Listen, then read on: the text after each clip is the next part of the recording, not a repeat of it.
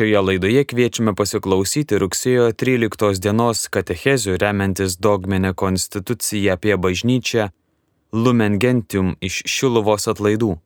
Kalba kunigas Arnoldas Valkauskas. Garbė Jėzui Kristui, vardant Dievo Tėvų ir Sūnaus Šventosios Dvasios. Šventoji Dvasia Dievo apšvies mus, kad teisingai mąstytume, pažintume bažnyčios mokymą per Kristų mūsų viešpadį. Amen. Toliau kalbame, kas girdėjo, kas negirdėjo, Marijos radijo klausytojai girdėjo, testinumas yra, kalbam katechezę apie dogminę konstituciją Lumen Gentium, tai yra kaip bažnyčiai buvoti iš tikrųjų, ką jin reiškia. Taigi labai svarbi tema, tokia graži tema, įpareigojanti tema, dabar pradėjom kalbėti apie pasaulietčią paštalavimą.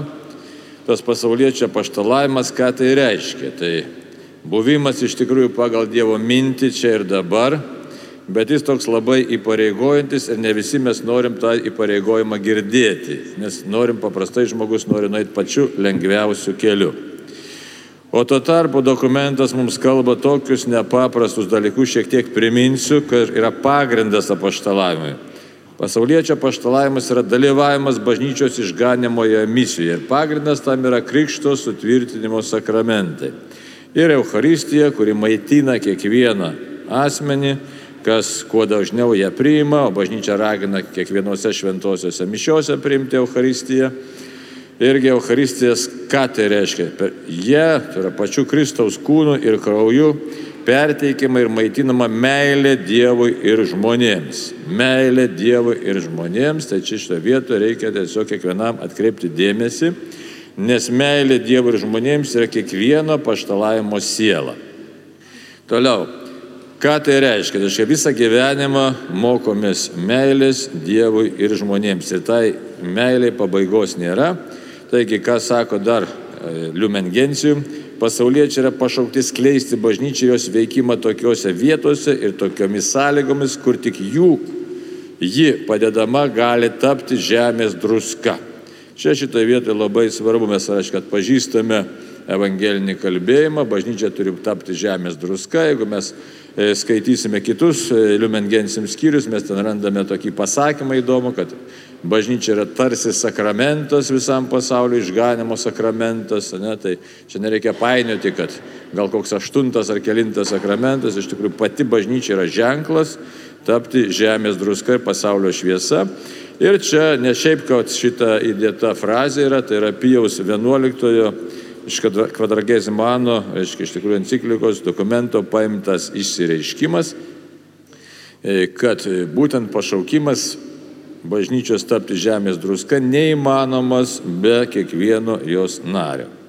Taigi, Šitaip kiekvienas pasaulietis tomis gautomis dovanomis, taigi kalbam apie dovanas, tai vėlgi labai svarbus kalbėjimas, nes mes kartais įsivaizduojam, kad štai tos dovanos, dabar labai madoj apie charizminį buvimą kalbėti, e, būrės įvairios maldos grupelės, e, tačiau e, tos maldos grupelės neradai susibūrė tokiu nelabai gerų pagrindų.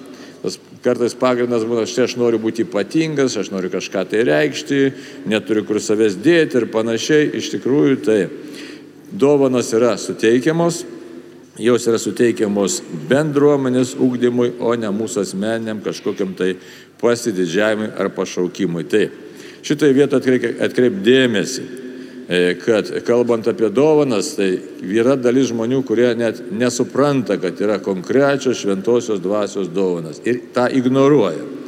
Kiti atvirkščiai labai sureikšmina įvairiausias tas dovanas dovanėlės ir įsivaizduoja, kad štai dabar jau čia būtinai aš turiu turėti kokią nors kalbų dovaną ar dar kažką tai. Tokia įspūdingo gydimo kalbų, nu geriausia būtų tai mirusių prikelimo, aš taip šaržuoju šiek tiek, ne? E, tai iš tikrųjų ne, ne apie tas dovanas kalbam, aiškiai kalbama apie tai, kad kiekvienas e, gauna dovaną pagal Kristaus dovanos mastą. Tas dovanos mastas yra iš tikrųjų e, koks yra, kad būtų būtent tiesiog išreikštas, atpažintas viešpas Jėzus Kristus, kaip ir pasakyta apaštalo Pauliaus laiške Efeziečiams, ką jisai sako o kiekvienam mūsų duota malonė pagal Kristaus dovanos mastą. Taigi Dievas ką nori, tą duoda, bet duoda tikrai kiekvienam, kuris nuoširdžiai Dievo ieško ir tiki. Toliau. Kiekvienas tampa pačios bažnyčios uždavinio liudytojų ir gyvojų įrankių. Tai reikia suprasti, kad reiškia, Dievas turi savo veikimą ir mes tampame įrankiais. Ir kartais mūsų laisva valia nesutinka tapti įrankiu. Mes norim kažkuo tai būti. O viešpats sako, štai siunčiu tave ten, ten ir ten. Ir labai svarbus dalykas, kalbant apie paštalavimą, keli dalykai yra įsipareigojimas maldai, vienas dalykas tai yra mes dažnai, žiūrėkit, inkščiam ir sakant, kad pasaulis yra negeras, ne, netobulas ir taip toliau, bet jeigu paklaustume savęs, kiek mes melžiamės už pasaulio atsivertimą, ne už savo tik tai reikalus, bet už pasaulio atsivertimą, tam reikalingas įsipareigojimas. Toliau, kad būtų melžiamas už pasaulio atsivertimą ir įsipareigojimą, dar kitas reikalingas dalykas. Tam reikalinga atgailos dvasia.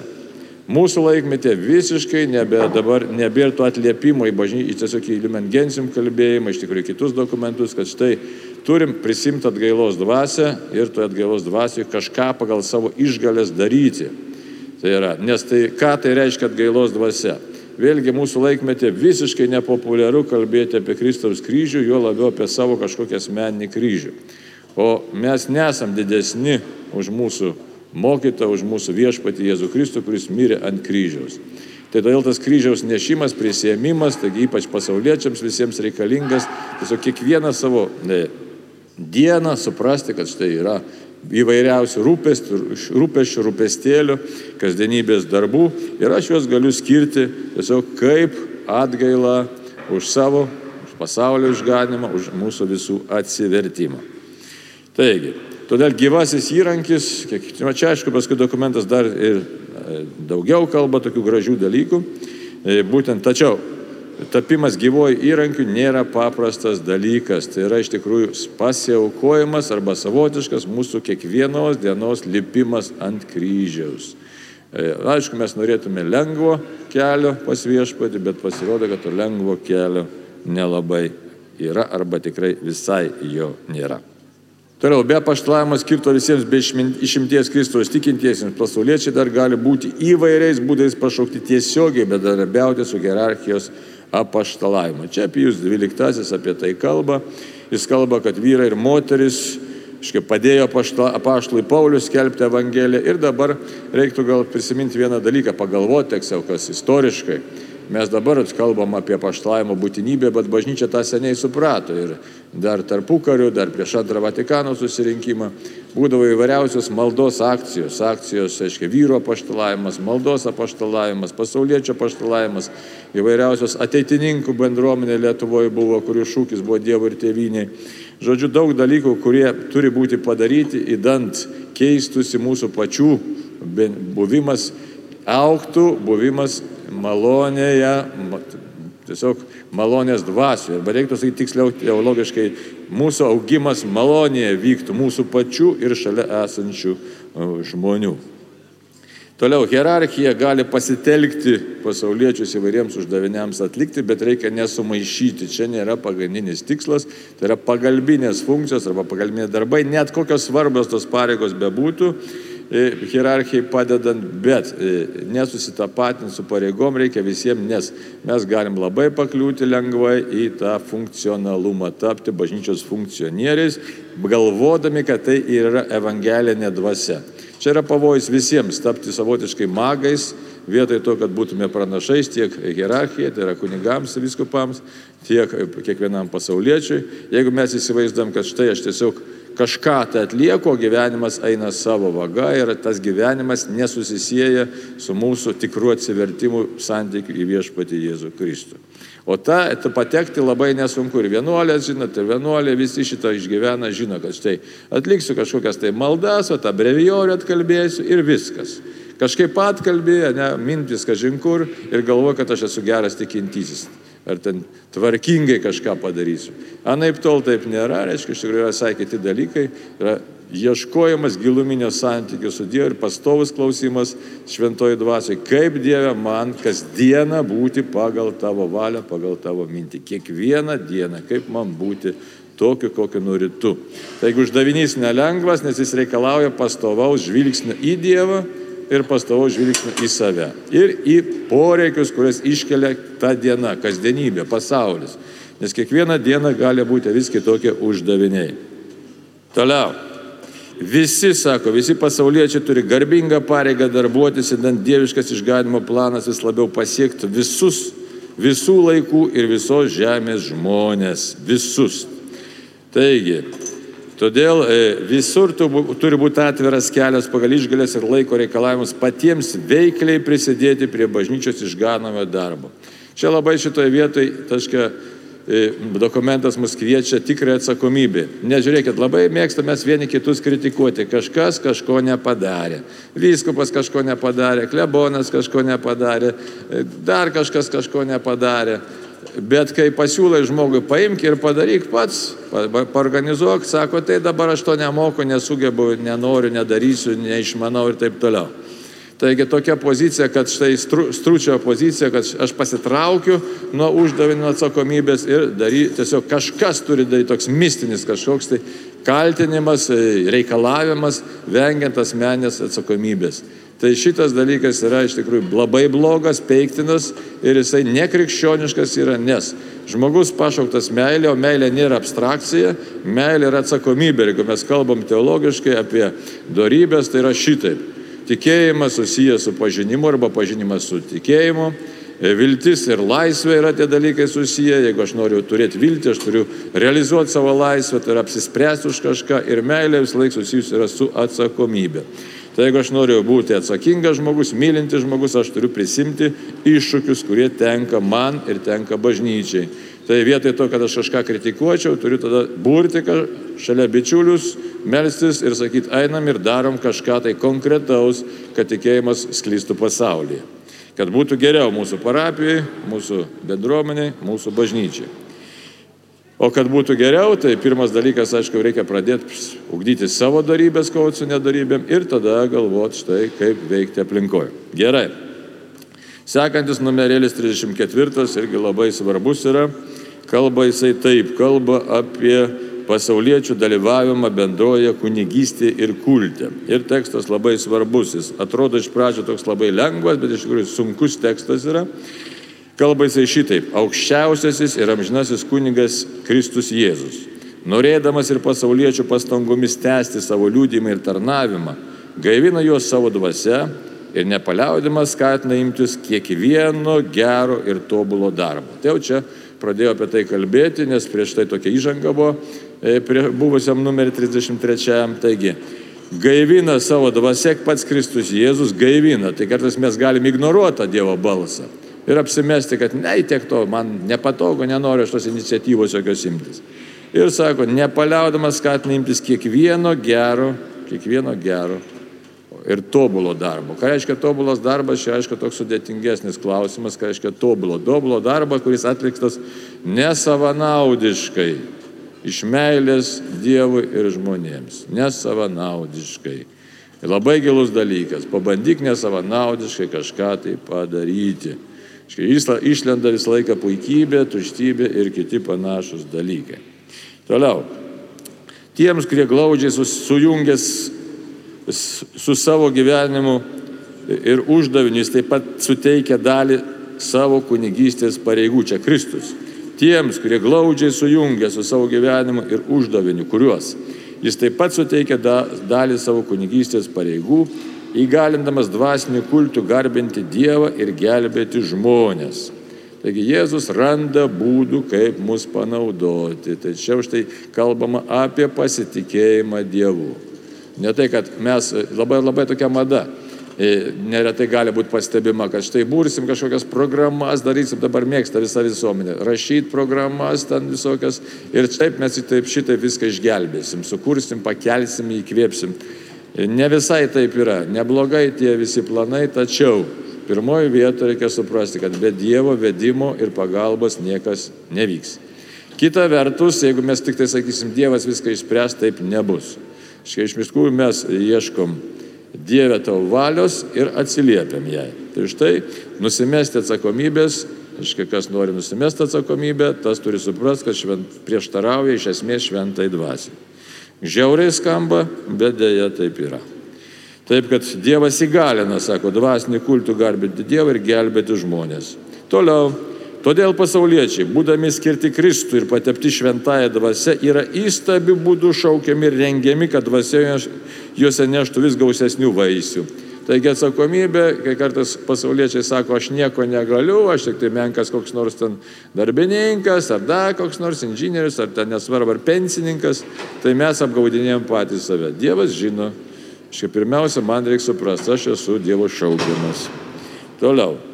Mat visi jų darbai, čia tekstas dokumentoje, mat visi jų darbai, maldos ir apašlavimo pastangos, santokinis ir šeimos gyvenimas, kasdienis triūsas ir sielos bei kūno poilsis. Įsivaizduot, net sielos ir kūno poilsis. Jei tik atliekami, atliekama dvasioje, tai yra šventoji dvasioje Ir net kantriai pakeliami gyvenimo sunkumai per Jėzų Kristų tampa Dievui priimtinomis dvasinėmis aukomis. Ir čia nuorodoje pašlo Petro pirmo laiško antros skyriaus penktą eilutę. Įsivaizduot, mes esam priimtinos Dievui dvasinės aukos. Visi. Jeigu mes tą suprantam, sakom viešpaė Dieve, nieko negaliu tau atnešti, bet atnešu tau savo kasdienį gyvenimą. Kitaip tariant, būdamas santykė su Dievu, nuoširdžiai stengiuosi gyventi, vykdyti tiek, kaip pajėgiu šiandieną, bet samoningai. Taigi, dabar kodėl tai vyksta? Čia labai svarbus momentas tiesiog supratimui, kad Mes visą laiką esame vertingi ir naudojami kaip Dievo įrankiai, nors niekas to nemato, negirdi. Čia galėtume ir Faustino Kovalską pritaikyti. Ne, jos šitą apreiškimą, tai privatus apreiškimas, bet labai dera su, su Liumengensim dabartinio mūsų tekstu. Nes aš negaliu malda, tai padėsiu, atsiprašau, negaliu darbu, padėsiu žodžiu, negaliu žodžiu, padėsiu malda, bet visą laiką galiu kažkokią tai atsakomybę prisiimti pagal savo jėgas ir galimybės, nors kartais norėtųsi padaryti daugiau, bet jėgos mūsų yra ribotos. Tai Toliau kurios Eucharistinės aukos metu draugė su viešpatės kūnu itin pamaldžiai teikiamos tėvui. Šitoje vietoje tas itin pamaldžiai teikiamos šiek tiek gali sukelti tokios neteisingos atsakomybės, nes kartais mes galim tokį perfekcionistinį savo išsikeltų uždavinį. Ką reiškia itin pamaldžiai? Čia toks slidokas įsireiškimas yra, na gal čia ir veikimo, vertimo šiek tiek reiktų pažiūrėti originalų tekstą, bet esmė tokia, kad kažkoks būt, turi būti tas į, į, mintis, kad pamaldumas vis dėlto turi būti toks rimtas pamaldumas. Ne šiaip sau, kad Dieve aš tau numetu, bet dabar kokia mintis čia būtų labai rimta mintis. Eucharistinės aukos metu, tai yra kai mes dalyvaujam šventosiuose mišiuose, prieš dalyvaudami, čia labai rimta ir praktiškai yra.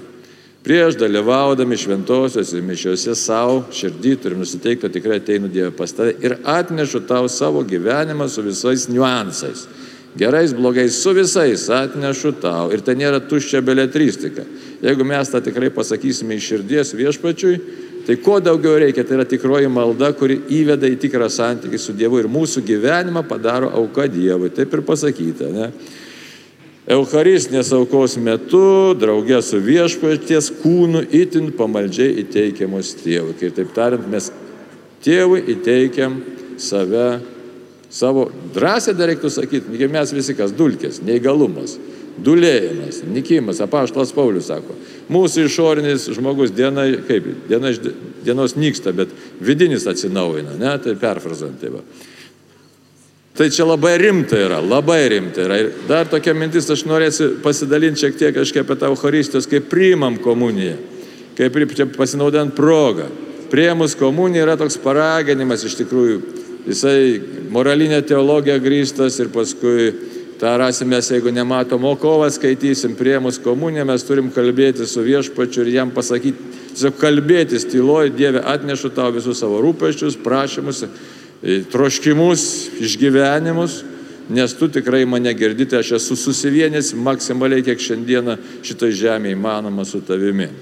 Tai čia būtent pašaukimas kiekvieno asmens, tai išsako, šitai pasauliečiai tartum visur šventai veikia garbintojai patį pasaulį, pašvenčia Dievą. Įsivaizduot, kai mes savo rūpeščius atnešam Dievą, ypač mišių metu, nu, šiaip kiekvienos maldos metu, bet ypatingai priimdami šventą komuniją, pasirodo, įsiklausykim, pasirodo, patį pasaulį pašvenčiam Dievui. Dabar kalbėsit rožančių, patį pasaulį pašvesit Dievui. Įsivaizduojat, visi kalbėsim rožančių, patį pasaulį pašvesim Dievui. O kai primsim komuniją, jeigu nuo širdžiai sakysim, tėvė, atnešu tau savo, nu ką, viską, klaidas ir praeitį, ir troškimus, ir nesugyvenimus, ir visokius išgyvenimus, pasirodo visą tai susivienė su viešpačiu ir mes visą pasaulį pašvenčiam Dievui. O kokį darbą atliekam, iškart galim, kokį darbą, kas pašventė pasaulį Dievui? Žinot, kas pašventė pasaulį Dievui? Ko tylit? Jėzus pašventė pasaulį Dievui. Tai ką jūs čia dabar? Katekizmą reikia pradėti iš naujo. Gerai, tai šlovė viešpačiai laikas besibaigiantis. Garbė Dievui, tėvui ir sūnui ir šventai dvasiai. Kai buvo pradžioje, dabar ir visada ir per amžius. Vardant Dievo tėvo ir sunaus ir šventosios dvasios.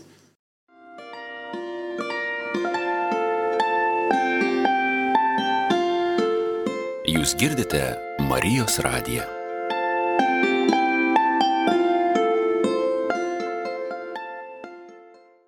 Vardant Dievo Tėvo ir Sūnaus ir Šventosios Dvasios Amen. Šventoji Dvasia Dieve, įkvėp mus vis labiau ir labiau pažinti apreiškimą, bažnyčios mokymą, kad tvirtėtume savo tikėjime, labai prašom tvirtėti tikėjime, kad tikrai taptume tokiais, tu, kokiais tu nori Jėzaus mus matyti. To prašom.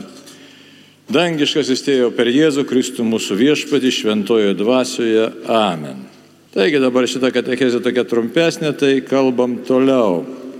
Kas girdėjo, kas negirdėjo, Liumengensim primenu yra dogminė konstitucija apie bažnyčią, apie bažnyčią, kokia jin turi būti, kokia jin norėtų Dievas, kad būtų. Na ir toj bažnyčiai visi mes turime, kiekvienas tiksliau, tam tikrą savo dalį. Kartais mes tą dalį norim pasididinti iš puikybės, o kartais bijodami atsakomybės norim tą savo dalį atsis tiesiog sumažinti ir atsisakyti, kad kažkas kitas atliktų už mus mums tenkančius uždavinius. Taip būti neturi, tai dabar skaitom tekstą, toj priminsiu. Pasauliečių dalyvavimas Kristaus pranašiškoje veikloje ir liūdėjime. Įsivaizduojat, Kristaus pranašiškoje veikloje ir liūdėjime. Pasauliečių. Tai kai išgirstam žodį pranašas, kokios mums dažniausiai kyla asociacijos? Ar kyla tokių minčių, ką reiškia pranašas? Nu, tai greičiausiai, kad kažkas pasakys kokius liepiningų dalykų. Na, jeigu žiūrėti Senąjį testamentą, tai pranašas Jeremijas, pranašas Izaijas, kas ten dar Baruchas, ten mažesni pranašai, didesni pranašai, kurie kalba tautai, žinai, sako, grįžkit pas Dievą, bus bausmėm grasina, nu, bet tuo pačiu ir kviečia atsigręžti viešpatį, nes tik tai Dievoje viltis. Tai dabar kas yra didžiausias pranašas? Labai įdomi, kad šitą Liumengensim tekstas tiesiog provokuojančiai prabyla. 35 numeriai tokie žodžiai yra. Kristus didysis pranašas ir savo gyvenimo liudijimu ir žodžio gale paskelbęs tėvo karalystę, savo pranašavimo uždavinį vykdo toliau, iki tos karalystės garbė bus visiškai apreikšta. Įsivaizduot, pirmą kur sako tą provokaciją, mes tai žinom, kad Kristus yra viešpas ir Dievas. Vienintelis viešpas, tikras Dievas, tikras žmogus. Ir dabar sako pranašas, ne? Tai ar čia nesumenkina Jėzaus vaidmens? Iš tikrųjų, tai ne, bet bažnyčia taip kalba todėl, kad ką atnešė viešpas Jėzus? Jis pats yra viltis, jis pats yra Dievo žodis, bet tas Dievo žodis, kuris kalba apie absoliučią Dievo tėvo pergalę ir žmonių sugražinimą Dievui. Kitaip tariant, į absoliučios vilties išsipildymą Jėzus yra nurodantis. Ir absoliučiai, ne taip, kad relatyviai menamai galbūt tokių dalykų pas viešpatį Jėzų jame tiksliau nėra. Taigi už tai sako, didysis pranašas, kuris kelbė Dievo tėvo šlovę, garbę pilną tėvo pergalę, sūnuje Jėzuje Kristuje, pačiame. Už tai sakoma didysis pranašas. Tvarkoju, šitas momentas aiškus. Dabar sako savo gyvenimo liūdėjimu. Taip, jo gyvenimo liūdimas yra koks, kad štai jame viskas išsipildė, kas Senajame testamente parašyta, net mažiausi dalykėliai. Kad iš Betlėjaus, kad iš Nazareto, kad iš Egipto parvedžiau savo sūnų, čia reikėtų labai ilgai kalbėti. Bet dabar jo gyvenimo liūdimas - absoliutus paklusnumas tėvui, absoliutus paklusnumas tėvui ir absoliutus šventumas. Tai yra, nie jokios dėmesio jame nėra. Ir visiškas žvilgsnis į tėvą ir dar kas toliau, škia, prisikėlimas. Tai yra, tikrai išsipildo tėvo valia, Dievo valia, kurėjo valia tame, kurį jis pamilo, kurį pašaukė. Kitaip tariant, Dievo pergalė Jėzuje yra akivaizdi. Gerai, aišku. Žiūrim toliau. Ir žodžio gale paskelbęs tėvo karalystę. Žodžio gale tai yra iš tikrųjų skelbimu paskelbęs ir kuo pasireiškia. Čia taip sudėtingokai galbūt galėtų skambėti, bet e, kad tikrai Jėzus buvo tas asmuo, per, kurį, per kurio žodį veikia dieviška gale. Kitaip tariant, kaip mes ir skaitome Evangeliją, kad e, Jėzus kalbėjo su gale. Su gale. Tai, ir todėl visi noriai klausėsi nes matė, kad tai nėra šiaip jau tušti žodžiai, kažkokia tai beletristika, bet ką jis pasakė, pasakė demonams išeik ir išeina, pasakė pasveik, pasveiksta ir taip toliau. Galų gale pats pasakė, aš prisikelsiu trečią dieną ir jis prisikėlė. Tai va, tai paskelbęs tėvo karalystė, tai yra paskelbė ir įvyko. Tvarkoju, čia irgi viskas suprantama turėtų būti. Toliau, bet čia dabar prasideda įdomesni dalykai. Savo pranašavimo uždavinį vykdo toliau. O Kokį pranašavimo uždavinį Jėzus vykdo toliau? Kaip jis vykdo, jis prisikėlęs Dievo tėvo garbėje, vienas lygus su tėvu, tėvas, sunus ir šventoji dvasia, visi asmenys lygus. Ir kaip jis vykdo savo pranašavimo uždavinį toliau? Kas gali atsakyti? Ko tylit? Amen, sakot. Amen geras žodis, bet neužtenka šitoje vietoje. Kaip vykdo? Vykdo per savo bažnyčią. O ta bažnyčia esam kas? Esam mes. Tai kaip mes vykdom dabar pranašavimo uždavinį, prašom paaiškinti. Kaip? Labai taip įdomiai iš tikrųjų. Iš tikrųjų galima labai paprastai ir galima labai sudėtingai atsakyti. Sudėtingai nereikia, manau, atsakyti, reikia paprastai atsakyti. E, kai mes tikime ir bandom pasitikėti Dievu, tai nėra labai paprasta. Nėra paprasta, prisipažinkim. Labai lengva tikėti viešpačiu, kai viskas gerai gyvenime klojasi. Bet kai netaip gerai klojasi arba visai prastokai būna, tai sunkiau pasitikėti. Ir tokiu būdu, ar ne tokiu būdu, tokiu atveju, štai kas vyksta. Ir štai, kai mes pasitikim ir sakom, Dieve, aš tavimi viliuosi. Vienas momentas. Kitas momentas, kai šalia mūsų yra žmonės su problemomis. Artimieji, sako aš pavyzdžiui. Geriau negaliu sustoti gėręs, arba išdavė, išdavė vyras, išdavė žmona, ateina kažkas mums skundžiasi, dėjoja, verkia, vėžys užpuolė, mirtis artėja, patys mūsų artimiausi žmonės, ne, ir ką. Mes galim kalbėti daug tuščių dalykų, bet mes galim, būdami patys vilties, sakyti, žinai, aš tavim pasimė, ne tik pasakyti, aš tave užjaučiu, tas užjaučiu, tai žinai tas, bet žinai, aš su tavimi kartu pasimelsiu, užtarsiu maldoje, nes aš tikiu viešpačiu Jėzumi. Ne patarimus dalinti, bet dalintis viltimi.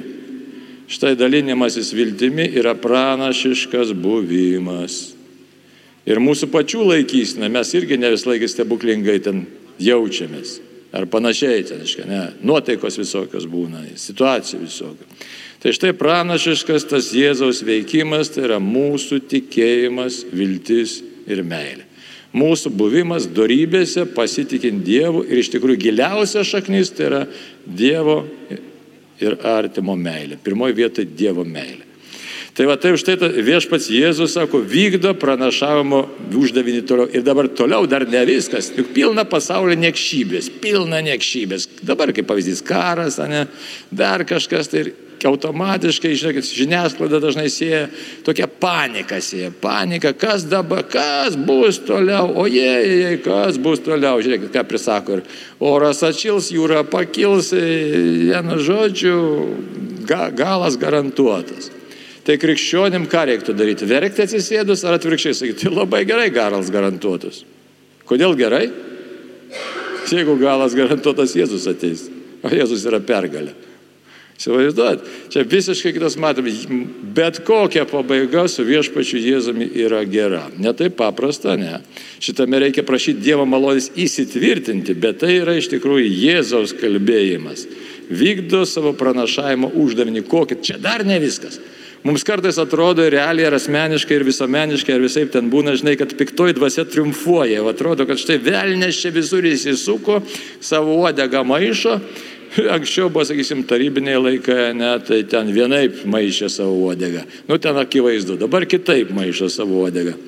Sako, pranašavimo uždavinys koks - neprarasti vilties net tada, kai nėra vilties. Žiūrėkit, mūsų Na, paimkim laisvės kovotojus, arba vėl prisimenu aš tą Nijolę Sadūnaitės liūdėjimą e, apie susitikimą su tėvu, pirmiausia, su šventuoju Jonu Paulio II, kuris pateikė jo šito tėvo pijaus liūdėjimą. Daug kartų čia jau sakiau, bet reikia dar kartoti ir kartoti, kad mes įsisamonintume. Kad štai, sako, tėvas Pijus pasakė Jonai Pauliu II, dar buvo Karolis Vaityla, 86-87 metais, sako, kai sutiksi lietuvių, sako, pasakyk lietuviams, kad jie kreiptųsi į savo kankinius. Ir visos negandos aplenks, nes lietuvių tauta turi labai daug kankinių. Mintis kokia, žiūrėk, iš kur tie mūsų kankiniai? Jie tie iš didžiulės vilties. Lageriai, ten strėmimai, miškai, prieš tai carizmai, visa kita, iš kur tai žmonės su didžiulė viltimi. Tai jie buvo tikrai pranašai ir mes tą pranašystę toliau naudojamės, tai būtent Jėzaus veikimas per tuos asmenis. Taip kad pranašavimo uždavinys vyksta, bet dabar iššūkis yra mums, nes mes turime, kaip bažnyčios nariai, pakrikštyti ir sutvirtinti einantis komunijos, tai yra stiprinami pačiu Jėzumi Kristumi atstovauti į pasaulį ir būtent mes tampame pranašais, kurie skelbia viltį ir tos vilties pergalę, nes Dievas tėvas yra ištikimas. Ištikimas savo žmonėms. O ta pergalė pasirodo dabar labai susijusi su viešpačiu Jėzumi ir tai nėra paprasta, nes Jėzus savo gyvenimą žemišką baigė kur?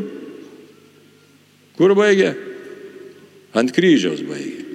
Taip kad pranašu būti nepaprasta, pranašas iš tikrųjų eina taip pat kryžiaus keliu. Ir kai mes e, tiesiog norim kartais pakovoti už teisybę, matom, kad tai yra sunku. Kai norim meiliai gyventi, matom, kad tai yra sunku. Kai reikia atleisti, matom, kad tai yra sunku. Kad reikia kitą pataisyti, yra sunku. Kad reikia pačiam pasitaisyti, mes matom, kad tai yra taip pat nelengva.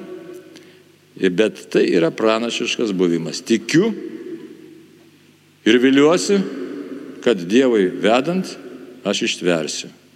Garantijų iš savęs aš jokių neturiu.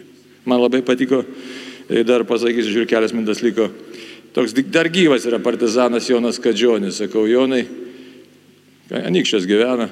Sakau, kaip tu Jonai atlaikėjai, sakau, visus ten tos saugumo, žinai, ten tos sako, kankinimus ir taip toliau. Nu, žinai, sako, žinojau, ką kegebistai gali padaryti. Bet Dievo, sako, labiau bijojau. Ir Dievas sustiprino. Tai. Taip, kad ištvėrė 25 metai lagerio, 5 metai tremties ir su viltimi ir šiandieną meldžiasi už Lietuvą. Būdamas 94 ar 5 metų. Taip. Įsivaizduoju, Dievas sustiprina ir veda, kad viltis mumise įgautų labai konkretų pavydalą, labai konkretų, nežiūrint mūsų trapumą. Tai už tai šitą vietą labai svarbu dar, kai save žvelgiam, nenusivilti savo trapumu. Kas dabar iš mūsų čia esančių galėtų pakelt ranką, kad štai aš čia toks didvyris būsiu, nieko nebijosiu, nieko neišsigasiu, man viskas, kaip sako, nu, kaip liaudis sakydavo, dalampački, tiesiog aš viską įveiksiu. Kas galėtų pasakyti? Pakelkite ranką. Ko nekelit? Nesimato prieš saulę, rankų miškas. Niekas negalėtų pasakyti, arba kas pasakytų, tas būtų apsišaukalis iš tikrųjų.